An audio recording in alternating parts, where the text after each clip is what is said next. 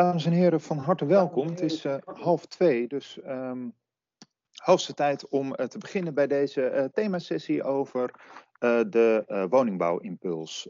mijn naam is Maarten Horen, ik ben projectleider Ruimte bij Platform 31 en vanuit daar voeren we het programma Stedelijke Transformatie uit. Dat programma is 2,5 jaar geleden ongeveer gestart om vanuit overheden en marktpartijen gezamenlijk te verkennen hoe we uh, binnenstedelijke gebiedstransformaties kunnen uh, versnellen en hoe we ook de woningbouwopgave daarin kunnen versnellen. Ja, een groot punt bij die woningbouwlocaties merkten we al vrij snel gaat over de financiën. Uh, daar zijn we ook vanaf het begin af aan uh, mee, uh, mee, bezig geweest. En nou, hebben onder andere ook meegedacht aan de, de woningbouwimpuls. ja, het is mooi, denk ik, dat die, die woningbouwimpuls nou ook daadwerkelijk van start is gegaan. ruim een jaar geleden heeft, is het aangekondigd in de, rond de Printjes, Printjesdag. En um, ja, de eerste tranche is, zoals u weet, nu van start gegaan. Um, ja, tijdens deze um, uh, middag uh, zullen we een aantal um, uh, verschillende sprekers hebben, een aantal verschillende activiteiten gaan, of een aantal onderwerpen met elkaar gaan behandelen. Zometeen zal Kevin Doelwijd van het ministerie van Binnenlandse Zaken een aantal algemene lessen delen over um, uh, ja, de, de eerste tranche en zal ook uh, u meenemen in de opnaad naar de uh, tweede tranche van de, de woningbouw aan, aanvragen. Um, vervolgens krijgen we toelichtingen van twee verschillende projecten die zijn toegekend in de eerste tranche. Um, ja, over de, de manier waarop zij hun aanvragen hebben ingericht en de, ja, de keuzes die zij daarin hebben gemaakt. vervolgens zijn er uh, mogelijkheden om verschillende vragen te stellen. En uh, gaan we ook naar een aantal deelsessies toe om nog in iets kleiner verband met elkaar van gedachten te, te wisselen. dan wil ik nu graag het woord geven aan Kevin Doelwijd van het ministerie van Binnenlandse Zaken over de, de woningbouwimpuls. Ja, het terugblikken en het vooruitkijken. Kerwin. Ja, dankjewel Maarten. de eerste keer presentatie via Teams, dus ik hoop dat alles goed gaat. Uh, jij klikt de sheets door, als het goed is. Uh, nou, ik ben uh, Kevin Doelwijd, eh, ik werk bij Binnenlandse Zaken. bezig, houd, houd, me daar bezig met de woningbouwimpuls. Ehm, en sowieso hartstikke leuk dat we hier weer een presentatie mogen geven. Vorig jaar hebben we hier een presentatie gegeven toen in Amersfoort, toen we nog heel erg over, aan het zoeken waren.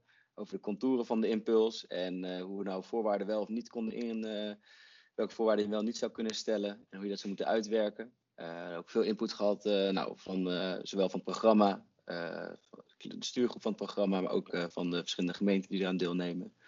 en andere partijen die erbij betrokken zijn. En nou, volgens mij heeft het allemaal geleid tot, tot een ja, mooie regeling.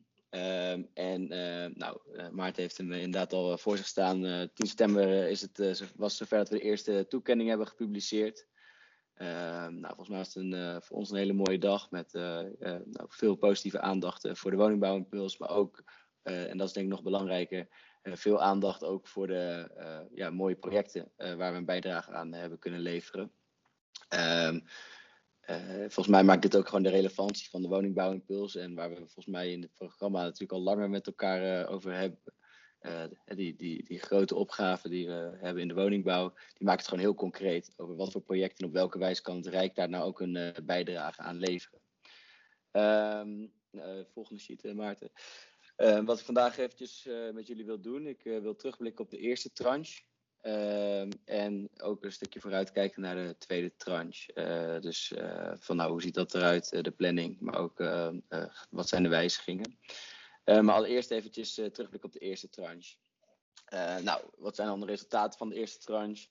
uiteindelijk hebben we 27 projecten gehonoreerd, 27 aanvragen in 21 gemeenten. Ehm, nou, dus je kan zien, zo'n 290 miljoen aan bijdrage, maar belangrijker volgens mij zijn dat we een bijdrage leveren als BZK aan 51.000 woningen.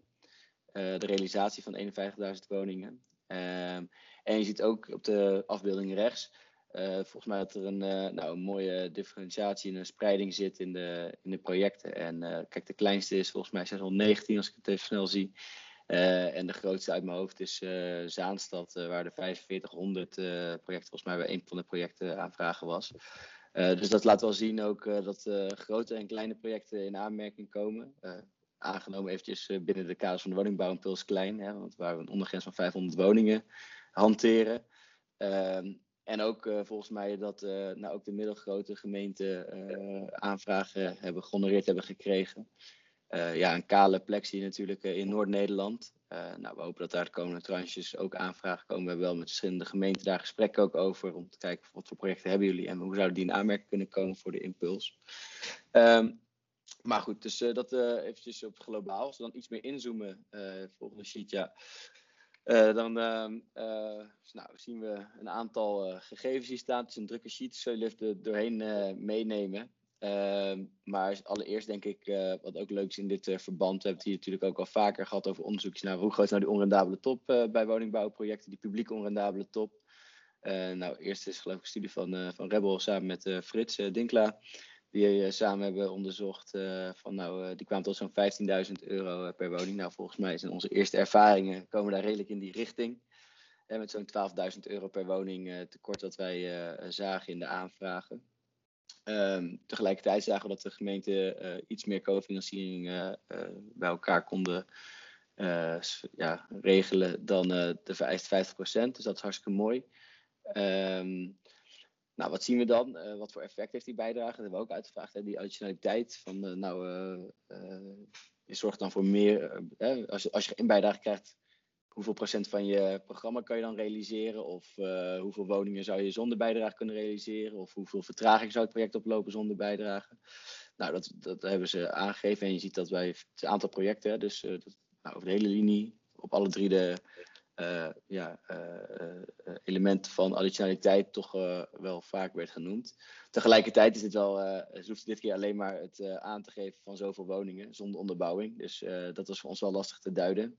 dus bij de volgende keer willen we daar iets meer duiding ook aan kunnen geven. Ehm, nou, wat zien we nou ook de start bouwen? Wanneer worden die woningen dan gebouwd? We weten allemaal dat vastgoedplanningen vaak optimistisch zijn en dat de realisatie lastig is. Um, we hebben voorwaarden gesteld uh, dat die binnen drie jaar start uh, bouwen moet zijn. Nou, met uh, hoe het nu voor staat bij, de, bij de indiening van de aanvraag, ziet het er gewoon heel goed uit. we zien ook veel projecten waar de bestemmingsplannen nou, in de laatste fase zitten, voordat ze vastgesteld worden door de Raad. Ehm, nou, en natuurlijk hier en daar zit wel het enthousiasme in. Ehm, maar ik denk dat het ook wel ruimte geeft om nou, de schouders eronder zetten en te zorgen dat we dit gaan halen met elkaar. Ehm, nou, als je kijkt naar type projecten, denk ik ook heel erg uh, goed is om even op in te zoomen. Uh, was natuurlijk ook wel spannend. Wat voor type projecten kunnen we nou bereiken met de woningbouwimpuls? Um, en dan vind ik het eigenlijk wel uh, mooi om te zien dat de twaalf bedrijfsterreinen ja, een bijdrage ontvangen om te transformeren naar een woonomgeving. En vaak een gemengde omgeving natuurlijk, waar wonen, werken, samen gaan. Um, ook een uh, aantal centrumontwikkelingen, stationsomgevingen. Uh, nou, je ziet het uh, rijtje staan. Uh, oh, dat valt bij, jullie schermen zie ik er twee afgevallen. stationsomgevingen zijn er een drietal van, uitleglocaties zijn een drietal van en een retailgebied. Um, nou, volgens mij is dat even een mooie weerspiegeling van, van ook het type woningbouwprojecten wat je door het hele land ziet op dit moment. En daar zijn we dus ook erg blij mee. Uh, aandeel uitleglocaties is wel wat beperkt. Uh, dus wie weet uh, gaat dat nog wat omhoog eh, bij de komende rondes. Maar goed. Ehm, nou, IJs was natuurlijk ook 50%, tenminste 50% betaalbaar in je programma. Ehm, nou, als we daarnaar kijken, aan de linkerkant zien jullie drie staafjes met de aandelen van de verschillende segmenten betaalbare woningen, hoe die verdeeld zijn. Nou, uh, totaal hebben we zo'n 65% eh, betaalbare woningen uh, waar een bijdrage aan wordt geleverd. dus dat is ruim boven onze doelstelling van, van 50. Voor onze ondergrens, moet ik eigenlijk zeggen, het was niet echt een doelstelling van 50, maar de ondergrens die we hanteerden. Merendeel sociaal, 45% van de betaalbare woningen is sociaal, 36% is middenhuur en zo'n 19% is betaalbare koop. Um, Even kijken, heb ik dan alles gehad? Ja, dan heb ik alles gehad. Dus ik kan inderdaad door, uh, Maarten. Um, ja, dan hebben we het over de afvallers. Hè. We, hebben natuurlijk net alle goed nieuws gehad. we hadden helaas ook voor een 25 aanvragen wat minder goed nieuws. Ehm, ja, die zijn afgewezen. tegelijkertijd, ik denk dat nou, relatief veel natuurlijk als je kijkt op het totaal. 27 toegewezen, 25 afgewezen. Ehm, nou, we zien ook wel oorzaken daarvan. Ik bedoel, wat ik zei, vorig jaar uh, rond deze tijd uh, wisten we dat de woningbouwimpuls kwam. Uitwerking van de woningbouwimpuls ging gelijk op eigenlijk uh, met de voorbereiding van gemeenten. dus we waren aan de voorkant natuurlijk wel heel erg blij dat er 51 aanvragen gedaan zijn. Tegelijkertijd ehm, zagen we ook wel in de beoordeling dat nou, het, het, type project wat ingediend was, was eigenlijk allemaal wel, wel goed. Uh, ook dat er uh, uh, de opgevoerde maatregelen over, het algemeen gewoon allemaal pasten binnen de impuls. maar ja, waarop zijn ze dan wel afgewezen? Nou, en dat is denk ik, geef ik meteen maar even de, de, de grootste les mee voor het indienen van je aanvraag. Um, de onderbouwing van de noodzaak van de bijdrage is heel erg belangrijk. En daar bedoelen we mee, ehm, je hebt je vraagt een bijdrage en die, uh, die komt tot stand door een financieel tekort te berekenen. En het is heel erg belangrijk dat voor de toetsingscommissie om tot een oordeel te komen, dat goed te herleiden is ehm, hoe dat is opgebouwd, dat financieel tekort. Waar komt het vandaan? En nou, daar kan je verschillende maatregelen voor opvoeren. Ehm, maar daar is denk ik handig bij dat je aangeeft van, hé, hey, wat is de situatie nu? Wat wordt het? Hè? En dat soort dingen kan je bijvoorbeeld bedenken. Hoeveel is de totale investering? Wat is dan toerekenbaar het profijt van uh, uh, die investering voor dit gebied? Uh, hoe zit het met kostenverhaal? Hoe hebben we dat toegepast? Nou, dat zijn typisch elementen die goed toegelicht moeten worden in die aanvraag. Want we hebben nu gezien dat bij een groot deel van de aanvragen die afgewezen zijn, hier onduidelijkheden over zaten. En dat de toetsingscommissie uiteindelijk ook die aanvragen op een onderdeel onvoldoende hebben moeten geven. En daarmee word je dan vervolgens afgewezen omdat uh, ja, als je op een van de uh, criteria een onvoldoende scoort, uh, dat een weigeringsgrond is van de minister. Um, ja, en voor, om een goede onderbouwing en denk ook maat, ja, sorry, om een goede onderbouwing ook te, te krijgen van je maatregelen en van je publiek tekort, is denk ik ook belangrijk om de kennis om je heen goed te gebruiken. Ik bedoel, gemeenten die de aanvraag indienen, hebben volgens mij heel veel zicht ook op ja, op hun eigen gegevens. En uh, ze hebben natuurlijk goede contact ook met marktpartijen.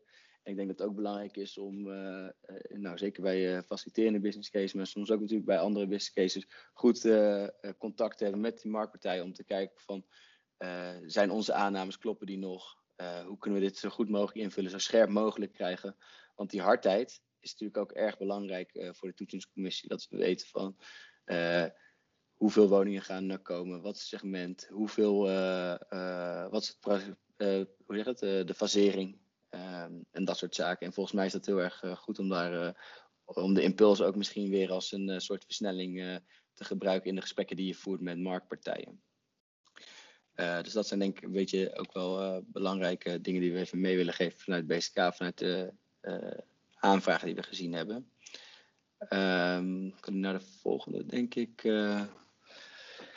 Ja, en als we dan uh, uh, overigens uh, was een mooi project uit Helmond, Centrum Noord. En hier zien we de minister op bezoek in, ja, dit is Helmond, nog eventjes. hier zien we de minister die op werkbezoek was vorige week dinsdag in Breda. met oud-Kamerlid Ronnes en de wethouder. Uh, maar goed, we gaan vooruitkijken, want uh, uh, wat we in ieder geval ook willen, en dat is ook het perspectief wat we aan de afvallers hebben gegeven, maar ook natuurlijk aan de gemeenten die nog niet hebben meegedaan, is dat we natuurlijk ook nou, snel weer voor, door willen met een volgende tranche. We willen ook echt wel laten zien dat we die urgentie die er toch ook is op de hele woningbouw en de woningmarkt, dat we die kunnen bedienen met bijdrage van het BZK. dus volgende sheet, Maarten. Uh, dank, ja, dank je. Uh, dus uh, het aanvraagtijdvak voor de tweede tranche die gaan we openstellen op 26 oktober. dus dat is vrij vlot. Dat is over een week of vier, als ik het uit mijn hoofd goed zeg. En die zal iets langer open zijn dan de vorige keer. Vorige keer hadden we een openstelling van twee weken. Dat hebben we nu iets verlengd. Uh, dat hebben we ook gedaan uh, op basis van uh, ervaringen van de eerste tranche. Dat we ook wel merkten van een goede volledigheidstoets die we willen kunnen uitvoeren op de aanvraag. We willen iets meer tijd voor nemen. Ehm, nou, het uitkeringsplafond is 225 miljoen. Ehm, en de besluitvorming over, die eerste, over de tweede tranche zal zo februari 2021 zijn. Um, wat opvallend is, denk ik eventjes ook goed om uit te lichten, is dat het uitkeringsplafond is dus lager, hè, wat er beschikbaar is aan middelen, dan uh, bij de eerste tranche. Tegelijkertijd hebben we natuurlijk een deel, uit, uh, een deel dat afgewezen is, die misschien ook uh, naar deze tweede tranche zullen gaan, plus nieuwe aanvragen. Dus we verwachten wederom druk, drukke tranche. En ehm, nou, we hopen dat ehm, nou, de onderbouwingen dit keer met alle ja, aanscherpingen die we hebben gemaakt uh, wat beter zijn. En daarmee uh, komen denk ik ook tot de verwachting dat we uh, echt wel overtekend zullen gaan worden. Dus dat we ook echt wel onze afwijzingsgronden wat meer zouden moeten gaan gebruiken. Dus het wordt een spannende tranche, denk ik. Maar het is denk ik wel heel goed dat we gewoon zoveel mogelijk goede aanvragen gaan krijgen. En om tot die goede aanvragen te komen, en dan kunnen we naar de volgende sheet.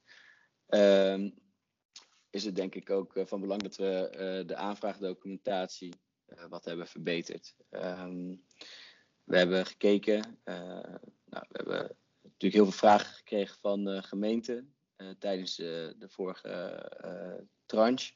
Van hey, hoe zit dit? Hoe moet ik dit invoeren? past dit wel op deze manier?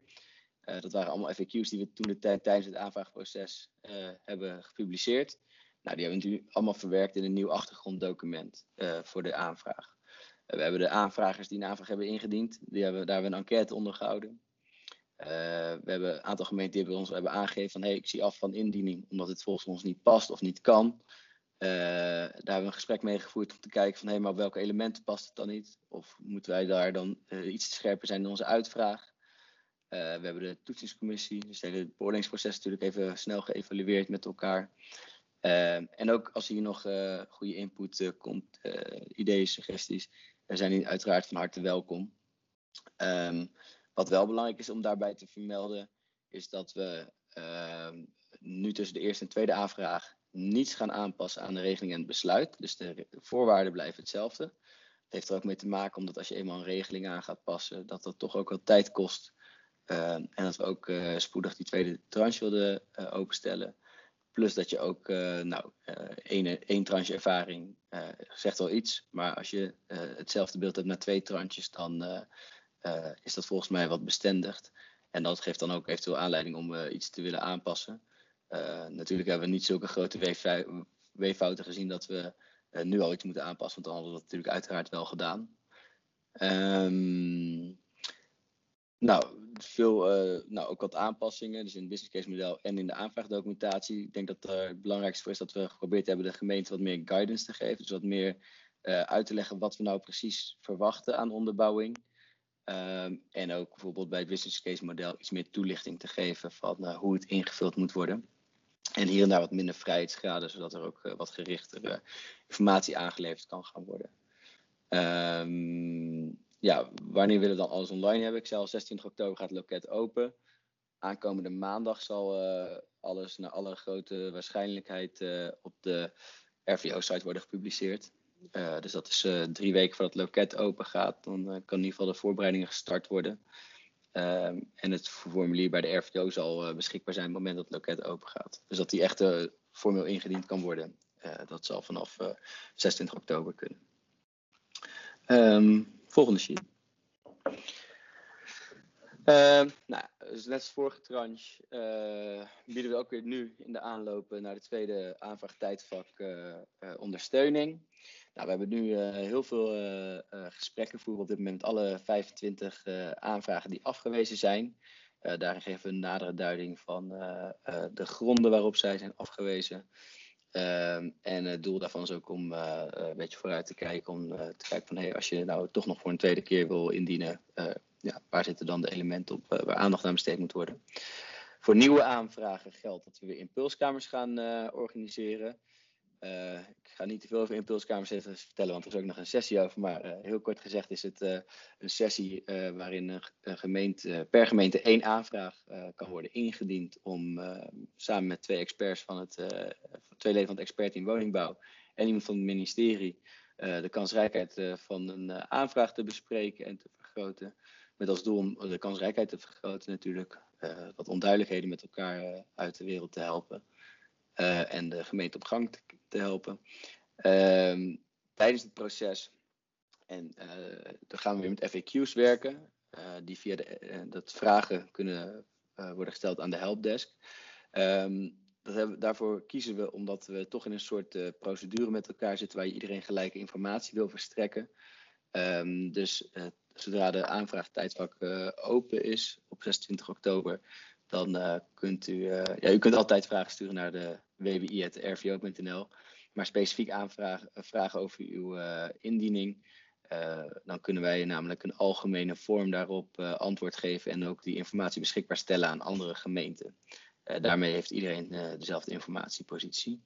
en dat is de vorige keer willen we een datum bekend gaan maken. Dat gaan we nog doen. Uh, het zal ergens halverwege het aanvraagtijdvak zijn. Dus uh, ik geloof dat we nu van 26 oktober tot 23 november open zijn. Dus ergens halverwege november zal er een moment liggen dat als je voor die datum een aanvraag hebt ingediend, dan zal er door RVO en dit keer denk ik ook deels door ons gekeken worden of de aanvraag volledig is. Ehm, en of, we hebben gezien bijvoorbeeld nu dat er een verkeerde bijlage werd bijgevoegd. En ja, omdat je dan in zo'n procedure zit, kan je niet zomaar iemand een hersteltermijn geven. Dat uh, doe je dan collectief. Dus vandaar dat uh, we iets, ja, iets meer aandacht willen besteden aan de voorkant, uh, aan die volledigheidstoets. Om zo ook de kwaliteit van de aanvraag te verbeteren. En daarmee de kans te vergroten dat aanvragen worden toegewezen. Um, ja, ik denk volgende sheet, Maarten, dat dit even zo mijn verhaal was. Um, ik weet niet of we nu eigenlijk wat programma's maken van één keer doorgaan of dat er vragen zijn wat handig is. Ik denk dat het wel goed is om even een paar vragen te, te stellen, omdat die uh, nou, echt uh, naar aanleiding van jouw uh, presentatie zijn. Uh, dankjewel in elk geval voor je toelichting, Kerwin. ja, een paar vragen die ik uit de, de chat heb gehaald. Um, is, uh, waarom is het plafond bij die uh, tweede tranche uh, lager dan bij de eerste tranche? en is ook het plafond in de eerste tranche bereikt of niet?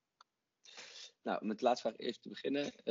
het plafond was voor de eerste tranche 348 euro. 348 miljoen. Uh, dus dat hebben we niet helemaal geraakt. We hebben 290 miljoen uh, beschikt, maar dat is wel exclusief BTW. Er komt wat BTW bovenop. Dus uh, we gaan aardig in de richting van uitputting van de eerste tranche. Ehm, waarom het tweede laag is, eh, er is toen rondom nou alles, toen een soort doorbouwpakket gepresenteerd vanuit het kabinet voor corona. Toen is ook besloten om extra middelen beschikbaar te stellen in 2020 voor de woningbouwimpuls uit latere jaren. Dus daar is uh, geld toen naar voren gehaald om het uh, budget te verhogen. En uh, eh, 225 miljoen is beschikbaar nu voor de volgende tranche. Ja, helder. dankjewel. Um, en is er ook al zicht op de planning voor de tranches daarna? die zijn we nog aan het uitwerken deze periode. we verwachten wel sowieso dat er nog een tranche komt in 2021. Um, dat hangt er een beetje vanaf. ik weet niet of ik dat nou net wel hoofd, maar niet, misschien niet verteld. We, willen dus evalueren na de tweede tranche. Dat heb ik al verteld, ja. Maar we moeten even kijken hoe lang die evaluatie duurt.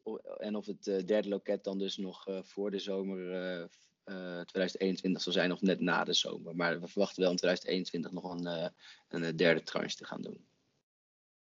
Ja, helder, dank je. Um, en de, uh, die aanpassingen, je, je noemde al dat voor de tweede tranche het ja, omdat het een ministeriële regeling is, eh, die, die aanpassingen niet zomaar eh, doorgevoerd eh, kunnen, kunnen worden.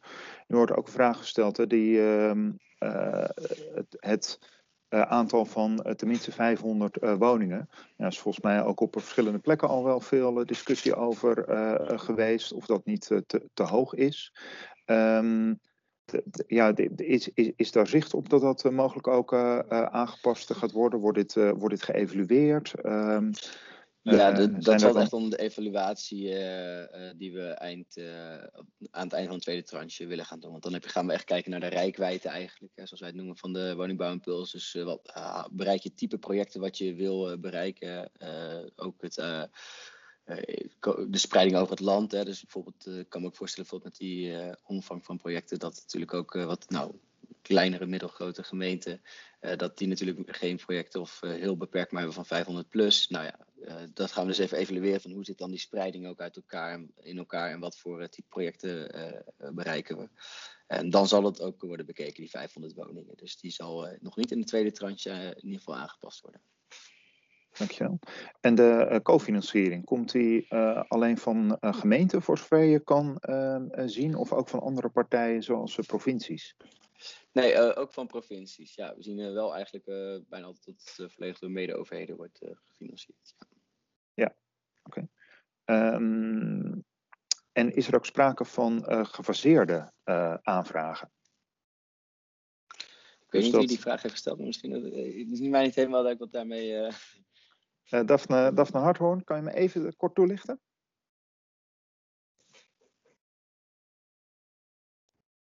Ja, sorry. Ik zat, uh, ik zat heel aandachtig te luisteren. Uh, nee, um, of, er, uh, kijk, die, de, de, of er voor verschillende fases van projecten aanvragen zijn ingediend. Dus een, um, een, een deel van het grote project.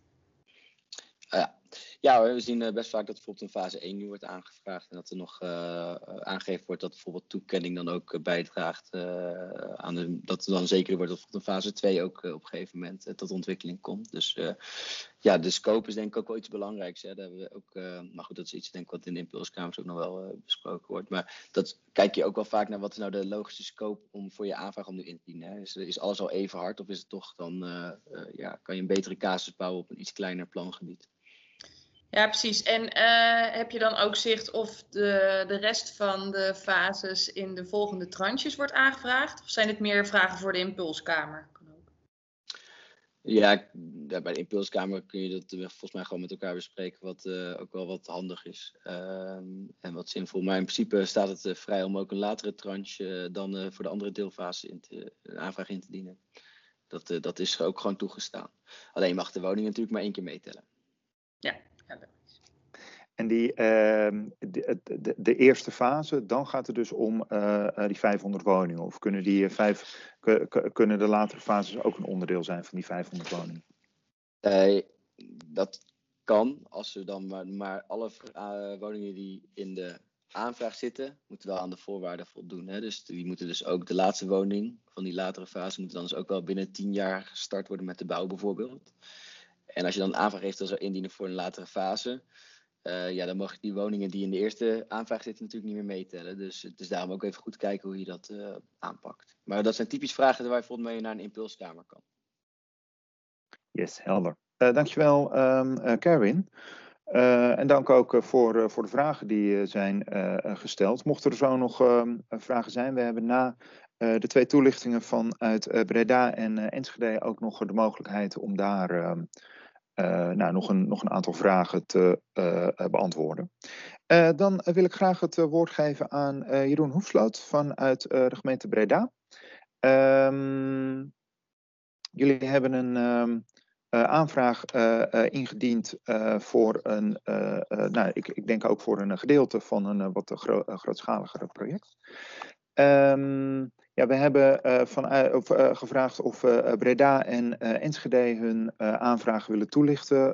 nou, in, in overleg zagen we dat dat ja, twee verschillende type aanvragen waren voor um, projecten waar u mogelijk ook mee te maken heeft. Dus nou, we, we, vonden het aardig om toch de ja, wat algemene woorden over hoe werkt zo'n impuls, om dat verder te illustreren aan de hand van uh, twee voorbeelden.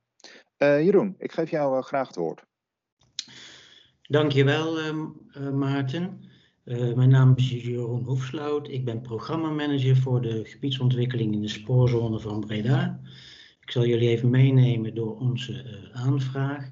Jullie zien hier een uitsnede van de regio. Breda in het midden. Het is een centrumstad. we werken op het gebied van wonen samen met zeven andere gemeentes.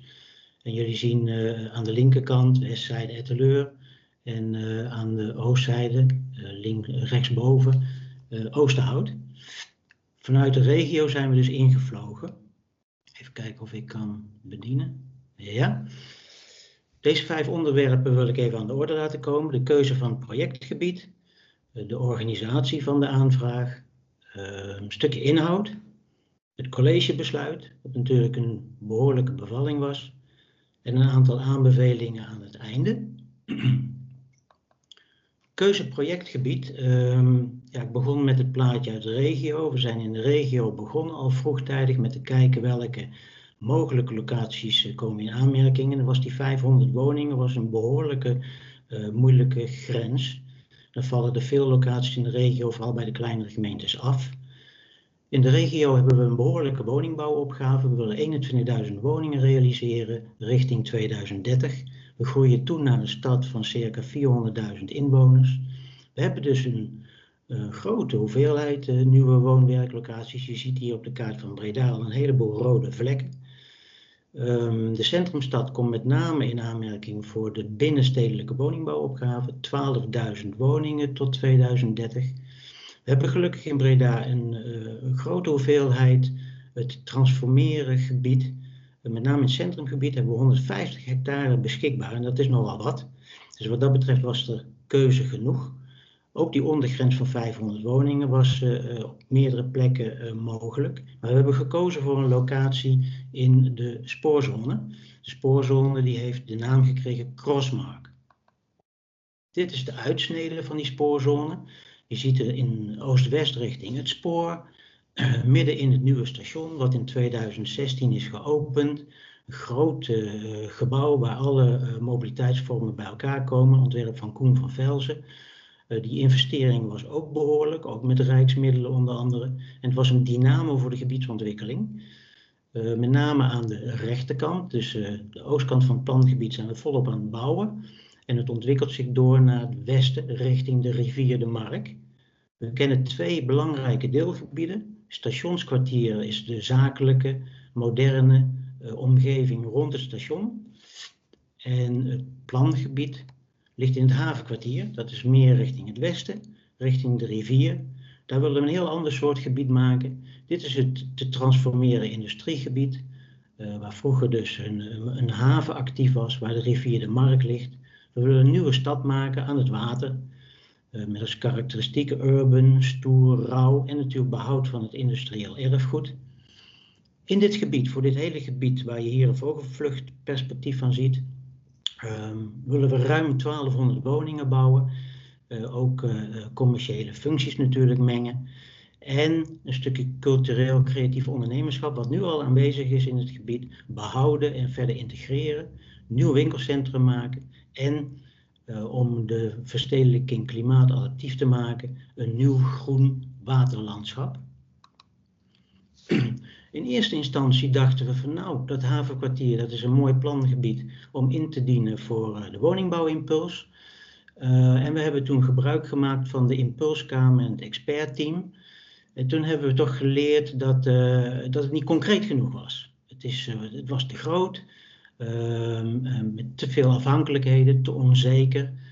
en toen zijn we in fases gaan denken. Dus dat, dan heb je al een beetje uh, te maken met die vraag van Daphne net, van kun je eh, plannen ook in fases indienen? Nou ja, misschien is er in de toekomst een tweede fase in te dienen. Maar we hebben gekozen voor de eerste fase van de ontwikkeling van het um, havenkwartier. En dat heet de strip en dat is donkerrood getekend. En dat was een scherp af te bakenen, concreet plangebied. en de huidige bestemming, dat is dan industrie. Even kijken hoor, nou heb ik een plaatje overgeslagen. Dat is deze.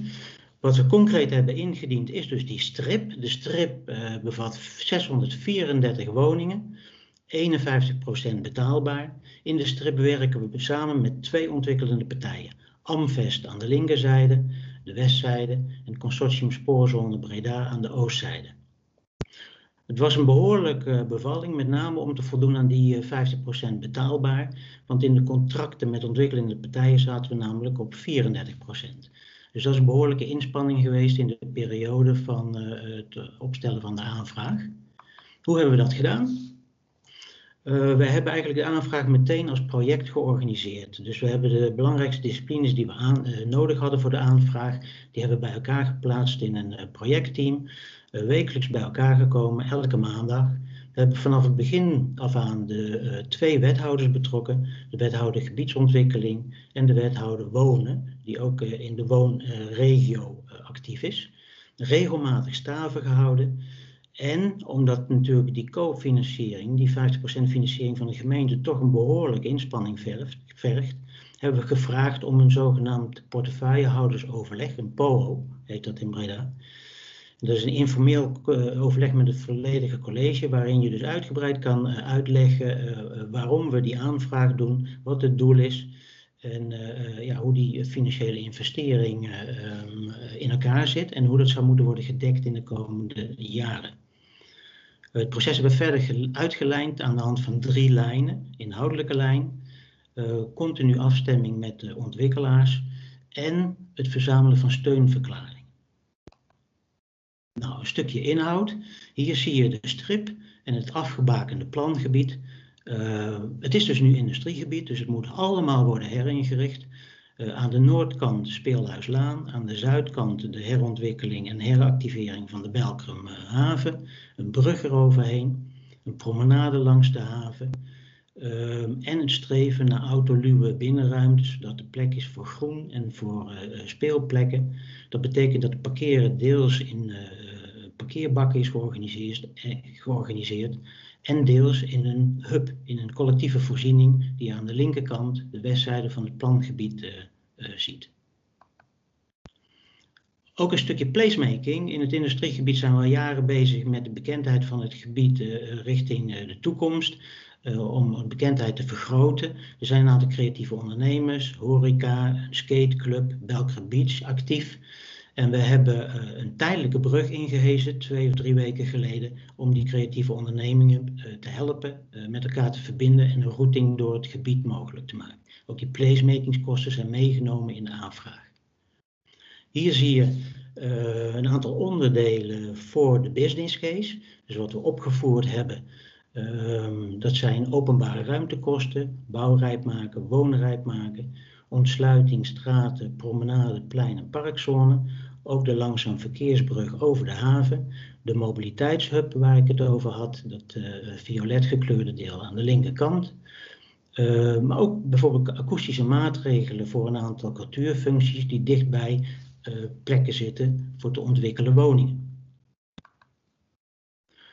Wat een ding was, was het onderhandelen met de, uh, de ontwikkelende partijen. We hebben nog steeds geen AOK's afgerond. We waren volop in onderhandeling. Het grootste deel, het linkerdeel van het plangebied, daar werken we samen met Amvest. Dat is hier getekend. En met Amvest zaten we al ver in uh, onderhandeling, maar met een percentage van 35% betaalbaar omdat zij het grootste aandeel van de woningen hadden, zijn we eerst gaan kijken of we hier de zaak konden oprekken naar 50% betaalbaar. En dat lukte eigenlijk niet. De business case was gewoon lastiger rond te krijgen. Kostenverhaal totaal niet mogelijk. Um, dus we hebben ons georiënteerd op een ander deel van het plangebied. Dat zie je aan de rechterkant, in deze uh, prent nog wit gekleurd. Maar dat is een gebied waar we als uh, gemeente uh, wat eigendom hebben. En samenwerken met het consortium Spoorzone Breda. Daar zaten we op 24% betaalbare woningbouw, maar dat hebben we opgerekt naar 100%. En daarmee hebben we voor de totale strip het, percentage betaalbaar opgerekt naar 51%. Nou, parallel hier, dat was die derde lijn, uh, waren collega's bezig met steunverklaringen, zowel bij provincie als in de regio, met de woningbouwcorporatie die onderdeel is van Consortium Spoorzone Breda en met de marktpartijen Amvest en, uh, en, en het CSB. We hebben van al die partijen steunverklaringen kunnen uh, organiseren en ingediend in de aanvraag. Met de provincie hadden we eigenlijk het geluk tussen aanhalingstekens dat we al een paar jaar bezig zijn met de samenwerkingsovereenkomst. Dus de provincie die helpt ons om in de stad een aantal grote binnenstedelijke transformaties te realiseren. Nou, wat zijn mijn aanbevelingen eigenlijk? Ehm, voor het indienen van een aanvraag. Wat, wat belangrijk bleek, ook met hulp van de Impulskamer en het expertteam, is de zoek naar een heel concreet en scherp afgebakend projectgebied. Ehm, daarbij hadden we het geluk dat we vroegtijdig zijn gaan nadenken over de openbare ruimte. Dus we hadden een ambitiekaart beschikbaar en een aantal civiel-technische ramingen eronder liggen. Die konden we natuurlijk gebruiken in de aanvraag. Omdat we de, het plangebied behoorlijk scherp afgebakend hebben, was een groot deel van eh, de publieke investeringen toerekenbaar aan eh, de ontwikkeling.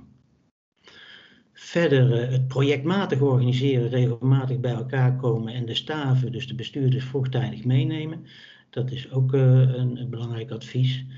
Het werken langs drie lijnen werkt eigenlijk heel goed. Dus uh, collega's bezig met inhoud, collega's bezig met, de, uh, met name de projectmanagers, met de afstemming met ontwikkelaars. Uh, en collega's bezig met de steunverklaringen, brieven schrijven met de regio en de provincie. Ook daarmee vroegtijdig beginnen, want dat kost in de praktijk toch wel veel tijd. Het collegebesluit, nou daar heb ik over verteld. We hebben een informeel college, een POO gehouden. Um, wat, wat daarin wel belangrijk was, is A natuurlijk uiterst zorgvuldig uh, uitleggen wat die uh, investeringen zijn, uh, waarom je ze doet en hoe de, de, de dekking in de gemeente natuurlijk voor elkaar, voor elkaar kan komen de komende jaren. Maar wat ook hielp, en dat zal niet bij elk project kunnen, maar als het kan, gebruik het dan in je motivering. Dat is ehm, uitleggen dat het project meer kan betekenen eh, dan ehm, eh, eh, zeg maar voor het gebied alleen. Dus onze strip is van, van waarde voor het havenkwartier als totaal, maar met zijn relatie met de binnenstad en met het noorden van de stad kan het ook van betekenis zijn voor een groot deel van de stad. En dat werkt, ja, dat kan naar andere portefeuillehouders overtuigend overkomen. Nou, verder viel ons op dat in de aanvraag zelf natuurlijk gewoon veel gedetailleerde gegevens worden gevraagd. Dus wellicht een aanbeveling voor de uh, opstellers van de aanvraag. Het suggereert een soort uh, exactheid die er natuurlijk in de werkelijkheid niet is. Want ja, we gaan elk jaar opnieuw ramen en kijken naar de planning van de uitvoering van maatregelen. En de, de werkelijkheid zal wat anders zijn dan nu heel precies is voorgelegd. Nou, als laatste, het heeft ons echt geholpen, die impuls. Uh, we zijn natuurlijk ontzettend blij met de, de financiële toekenning. Maar het geeft ook een impuls in, in de onderhandelingen met ontwikkelaars, et cetera. Dus wat dat betreft, alle lof voor het Rijk om deze woningbouwimpuls in te stellen. Dit was de hoofdlijn van mijn verhaal, Maarten. Jeroen, dankjewel voor je toelichtingen. Uh, volgens mij duidelijk een aantal concrete uh, vragen die, of aanbevelingen die je al hebt aangegeven aan de verschillende mensen waar ook andere projecten profijt van kunnen hebben. er zijn een paar vragen in de chat gesteld. Ik ehm, wil die zo meteen na de toelichting van, um, vanuit de Enschede graag behandelen. Um, Jeroen, als jij de presentatie zou willen afsluiten. Dan uh, wil ik nu uh, graag het woord aan Okke Hefti geven vanuit de uh, gemeente Enschede. Ook een project daar ingediend en weer een project van een heel ander karakter. Um, ik geef jou graag het woord. Ja, maak hem even groot. ik zal mezelf even voorstellen. Mijn naam is Okke Hefti. Ik ben coördinator planeconomie binnen de gemeente Enschede. En tegelijkertijd uh, ben ik uh, de planeconoom voor ons project uh, Centrum Kwadraat in Enschede. nou, wij zijn in Enschede ontzettend blij dat onze aanvraag ook gehonoreerd is. nou ja, als we een beetje op de kaart kijken, dan lijkt het erop alsof wij zo'n beetje de enige stad zijn die in de regio een aanvraag gehonoreerd hebben gekregen. Nou, dan zijn we er uiteindelijk toch wel heel erg blij mee. Uh, nou, ik wil jullie nou gaan meenemen hoe we dit uh, uiteindelijk gedaan hebben. Nou, Enschede, uh, een stad in het oosten van het land. We hebben in de stad Enschede vijf projecten met meer dan 500 uh, woningen. Um, we hebben gekozen voor ons project Centrum Kwadraat, wat nou, net als in Breda de spoorzoneontwikkeling is. Um, nou, we hebben daarvoor gekozen omdat we vanuit Enschede dit project nou, eigenlijk wel het belangrijkste project van de stad vinden. En hier ook gewoon echt voor willen gaan om hier een impuls uh, in te geven. is ook een heel complex gebied met ontzettend veel versnipperd eigendom. Ehm, maar voor de andere aanvragen, voor de komende tranches, gaan we de andere gebieden nog een keer indienen. Nou, zelf, nou, dat is eigenlijk de transformatie van een compleet stadsdeel. Dat is het hele gebied tussen het spoor en de, het single en, en, de, en de single in Enschede. We zijn er al een jaar of tien mee bezig. Um, in totaal hebben we inmiddels zo'n 800 woningen gerealiseerd, uh, of die zijn in voorbereiding. Gerealiseerd met heel veel verschillende soorten grondbeleid. Delen hebben we zelf gedaan, delen zijn faciliterend grondbeleid. Um, nou, zo zijn we afgelopen jaren steeds pluksgewijs bezig geweest. Nou, begin, uh, ja, begin 2000, nee, uh, begin, nee, begin dit jaar hebben we op een gegeven moment een visie door onze raad laten vaststellen. Dat we zeg maar al het uh, laaghangend fruit, alle locaties die relatief makkelijk te ontwikkelen zijn via het faciliterende grondbeleid, dat we die inmiddels nu wel zo'n beetje gehad hebben. En dat we nu toe zijn aan de moeilijke gebieden. Zeg maar de gebieden uh, waar het faciliterend grondbeleid niet toereikend is, omdat ja, het gewoon financieel van geen kant uit kan. Dus waar we als gemeente zelf een actievere rol moeten gaan nemen. Nou, we hebben in die visie onze totale ambitie voor voor centrumkwadraat gedefinieerd. Nou, in totaal 1000 woningen ongeveer toevoegen, 50.000 vierkante meter BVO werken en voorzieningen toevoegen. Um, nou, een belangrijk doel wat we willen is dat we uh, uh, ook een nieuw station willen krijgen met een verbetering van de bereikbaarheid van banen. In Breda is een nieuw station er al, wij willen hem nog graag, uh, maar dat zal nog wel een tijdje duren. Andere ambities die we hebben is om een duurzame stad ervan te maken. Het hele gebied wordt nu doorsneden door allerlei grote autowegen. Uh, die zorgen eigenlijk voor een hele barrière tussen het centrum en het rest van het gebied. Nou, een hele ambitie is om het autoverkeer er zoveel mogelijk uit te halen. En het primaat bij de fietsers en voetgangers uh, te leggen in dit hele gebied. Zodat het hele gebied eigenlijk gewoon een aangenaam verblijfsgebied gaat worden. Waar het aantrekkelijk wonen en werken en recreëren is.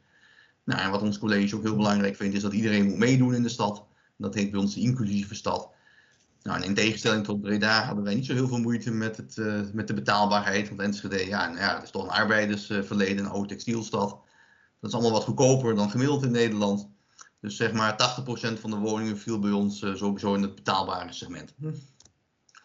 Nou, hoe hebben we de impuls gedaan? Uh, wat ik jullie mee wil nemen is van uh, hoe we de aanvraag georganiseerd hebben. Het ruimtelijk samenhangend gebied.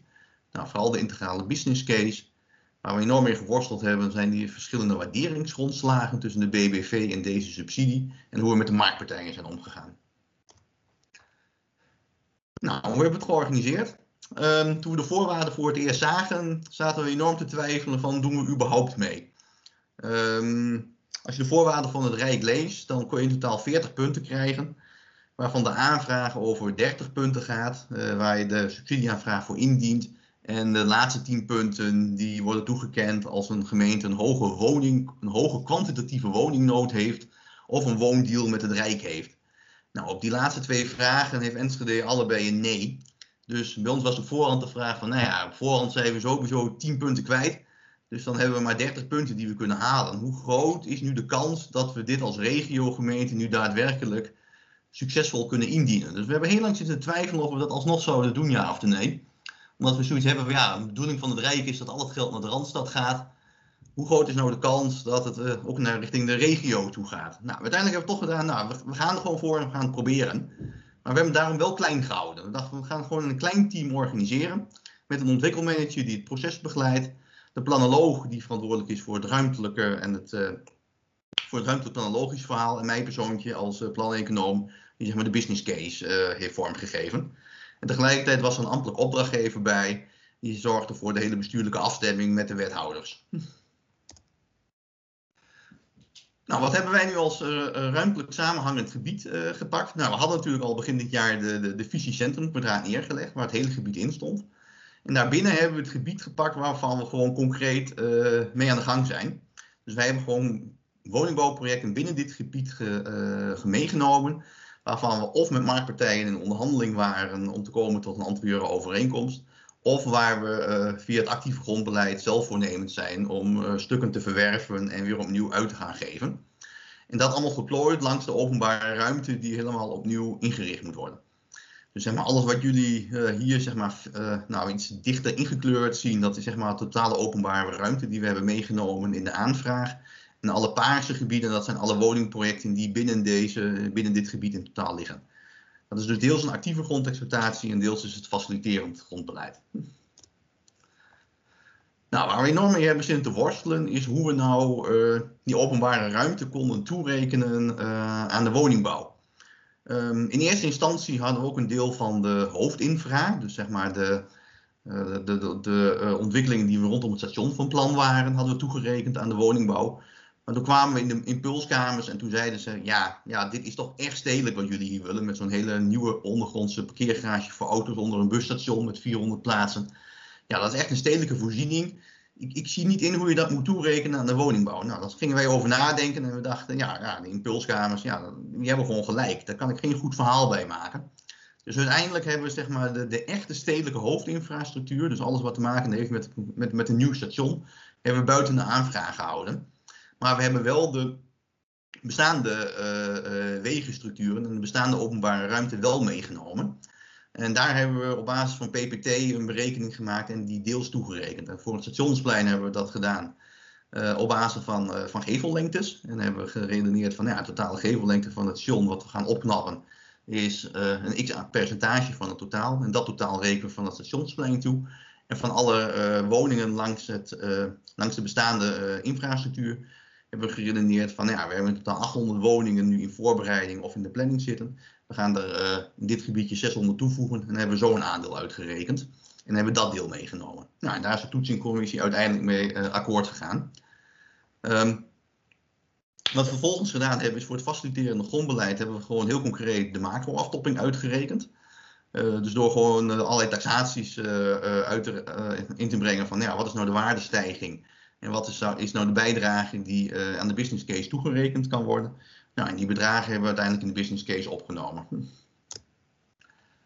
Nou, wat we zelf heel lastig vonden, dat, dat, hadden we in het begin niet duidelijk. En dat werd gedurende de vraag-antwoord rubriek uh, uh, van het ministerie werd dat duidelijk. En dus hoe we nou moesten omgaan met de afwijkende waarderingsgrondslagen.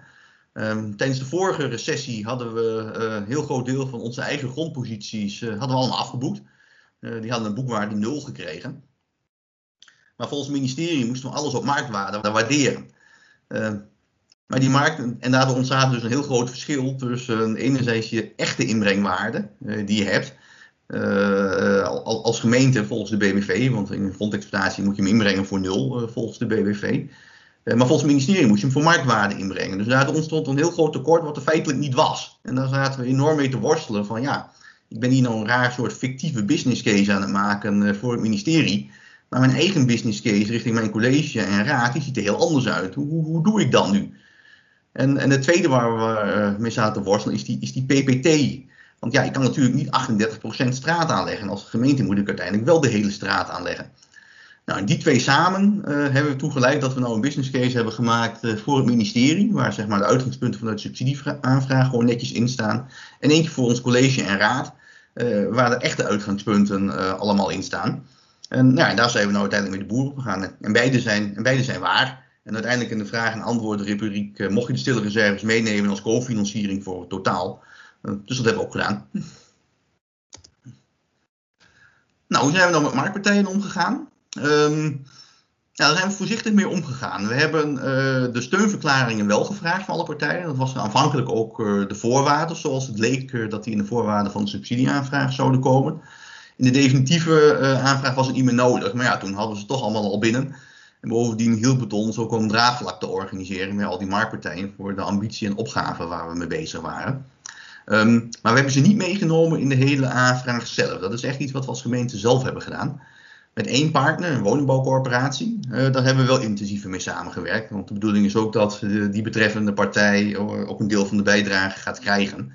En dat betreft de, de, sloopnieuwbouwopgave van 85 uh, eh, eenheden die in het gebied zitten.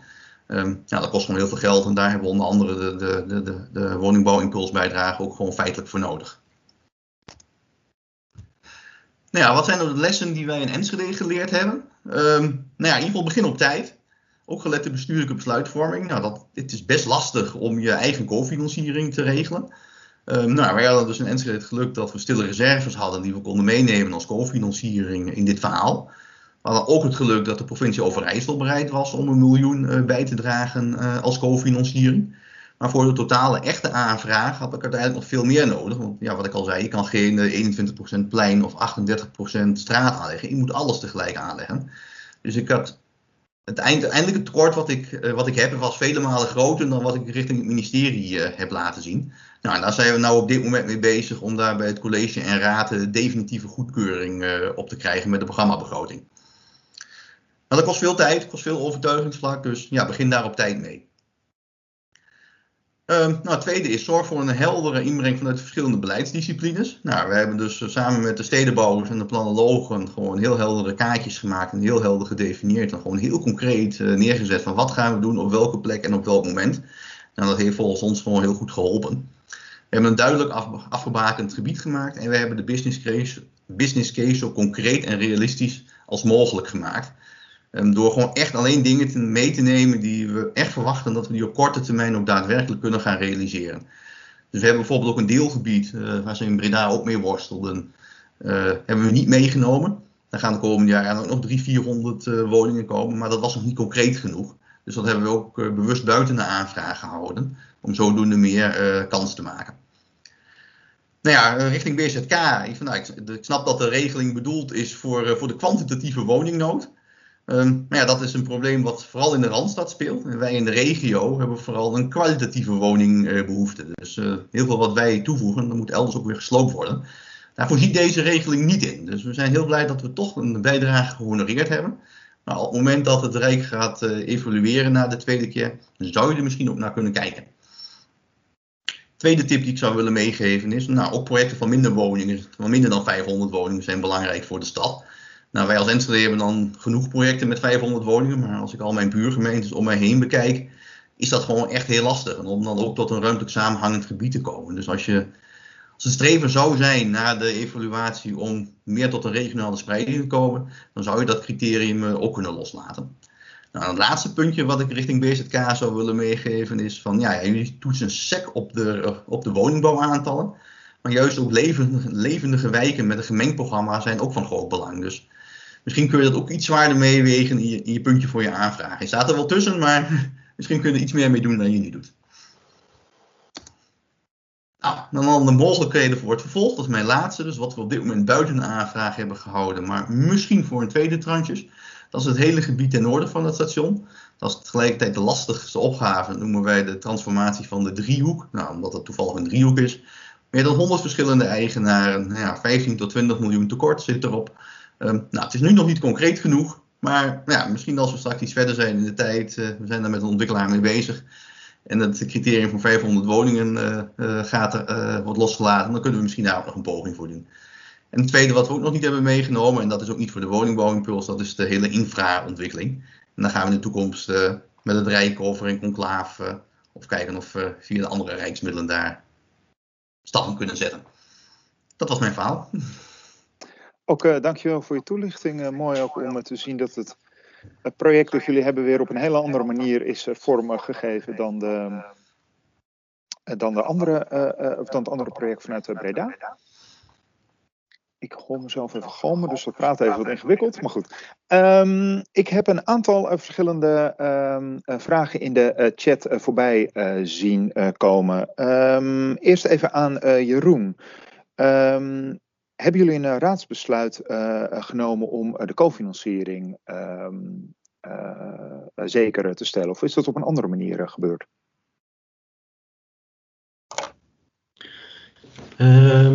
Ja, er ligt natuurlijk een raadsbesluit voor het gebiedsperspectief. Die hadden we al twee jaar liggen. De cofinanciering, daar is een collegebesluit voor genomen en geen raadsbesluit. Oké, okay, dankjewel. Dat is een uh, hele heldere. Nou, uh, indirect natuurlijk wel weer, want ik geloof dat vanavond of morgenavond is er een raadsvergadering. Uh, en je moet de middelen die je dus opneemt in, de, in het collegebesluit, moet je ook in je meerjaren investeringsplan opnemen. En toevallig, dat speelt dus deze week, die wordt morgenavond behandeld in de raad. Uh, ja, en ik verwacht wat dat betreft gewoon ook een akkoord van de raad op het opnemen van de investeringen in de komende jaren. Maar voor de uh, aanvraag was dus uh, het besluit door het college voldoende uh, geweest. Ja, dankjewel.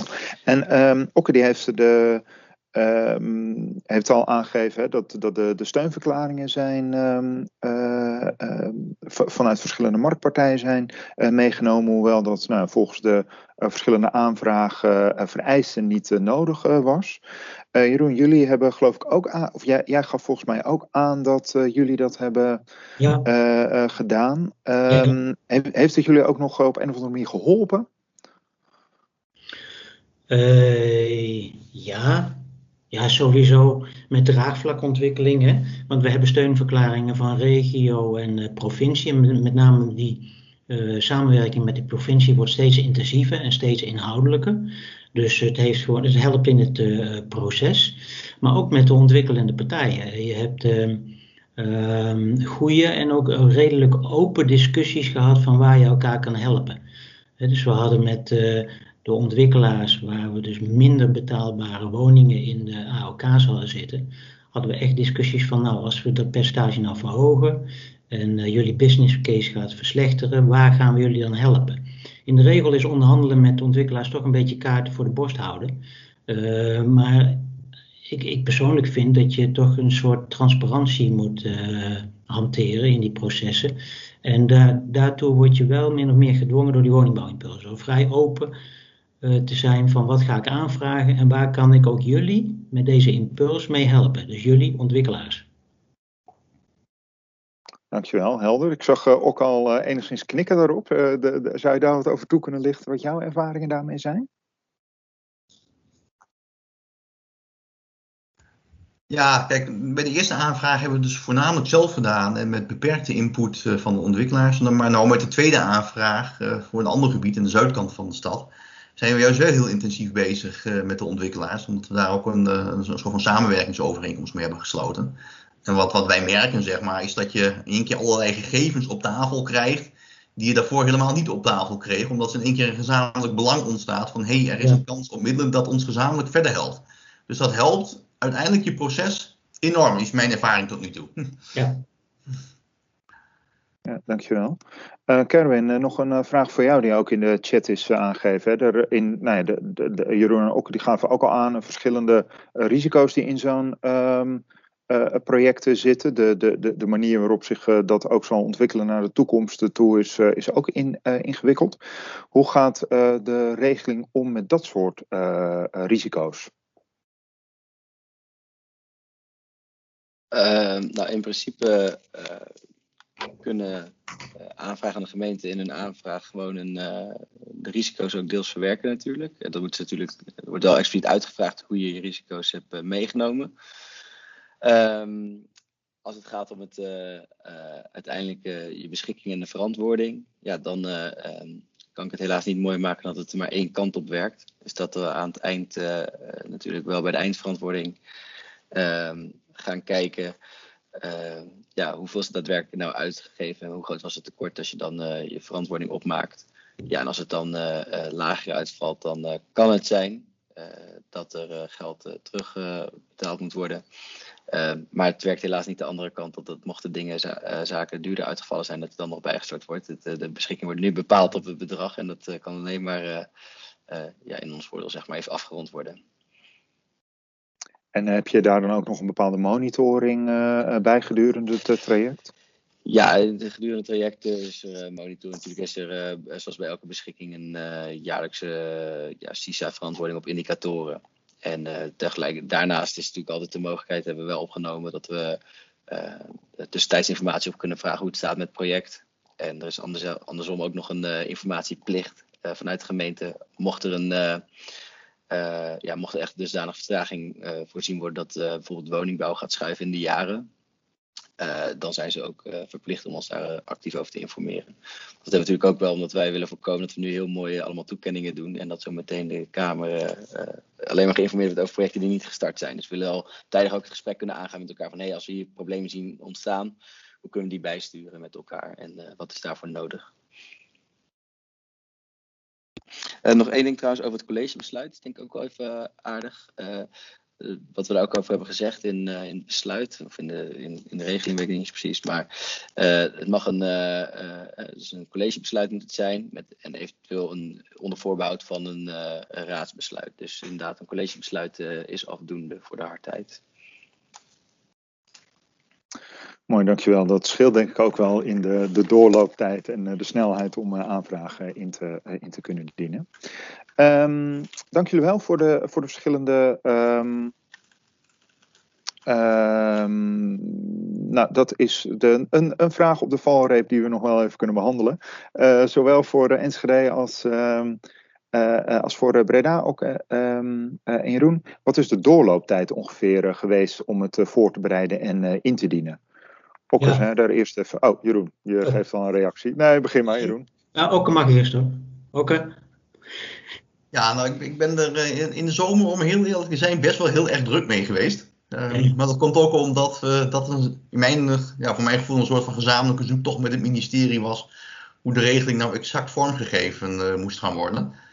Um, ja, je moet wel rekening houden dat je er gewoon echt wel, wel twee maanden echt zoek mee bent. En ook bijna fulltime zoek mee bent. dat heeft me echt veel tijd gekost. Echt veel ja. tijd. Ja, ja dat kan ik beamen. Het is een hele intensieve inspanning. En uh, ik zag ook bij Okke, dus bij Enschede, dat ze het projectmatig hebben georganiseerd. En dat is echt wel uh, belangrijk. En, niet alleen als project organiseren, maar ook prioriteren. Het was stevige inspanning. We hebben een paar avonden moeten overwerken, ook richting deadline. En ik vond het ook wel moeilijk dat het vakantietijd was. Want ehm, ik, ja, op een gegeven moment kreeg ik vragen van de juryleden, aanvullende vragen. En dat was toen ik ergens in Oostenrijk zat. En, en, dat waren vragen waar ik collega's voor nodig had, waarvan ik ook niet wist of ze nog actief waren. Dus dat, dat verraste mij wel. Uh, en, en het was ook best wel lastig. Dus in die zin, hè, om het vlak Ja, ik zo... denk dat we dat. Ja, ik denk dat dat was even ja, element dat ook niet hadden voorzien dat er nog aanvullende vragen gesteld moesten worden uh, midden in de zomervakantie. We dachten dat wij de vakantie door moesten werken, maar opeens hadden, moest er een aanvullende ronde vragen worden gesteld aan, uh, aan veel gemeenten. Voor de volgende tranche houden we dus wel rekening mee, want uh, we zitten rondom de kerstvakantie, maar we hebben wel gezegd dat we niet in de kerstvakantie vragen gaan uit, uitdoen natuurlijk. Al zou het wel een leuke traditie worden natuurlijk. Ja, maar dat is ook de reden dat de periode iets langer is, um, volgens mij. Ik wil nog even snel gebruik maken van uh, de gelegenheid om uh, Kevin, Jeroen en Okke van harte te bedanken voor hun uh, toelichtingen. Ik hoop dat u dat ook heeft geholpen in de verdere voorbereiding en het op goede manier voorbereiden van uw aanvraag.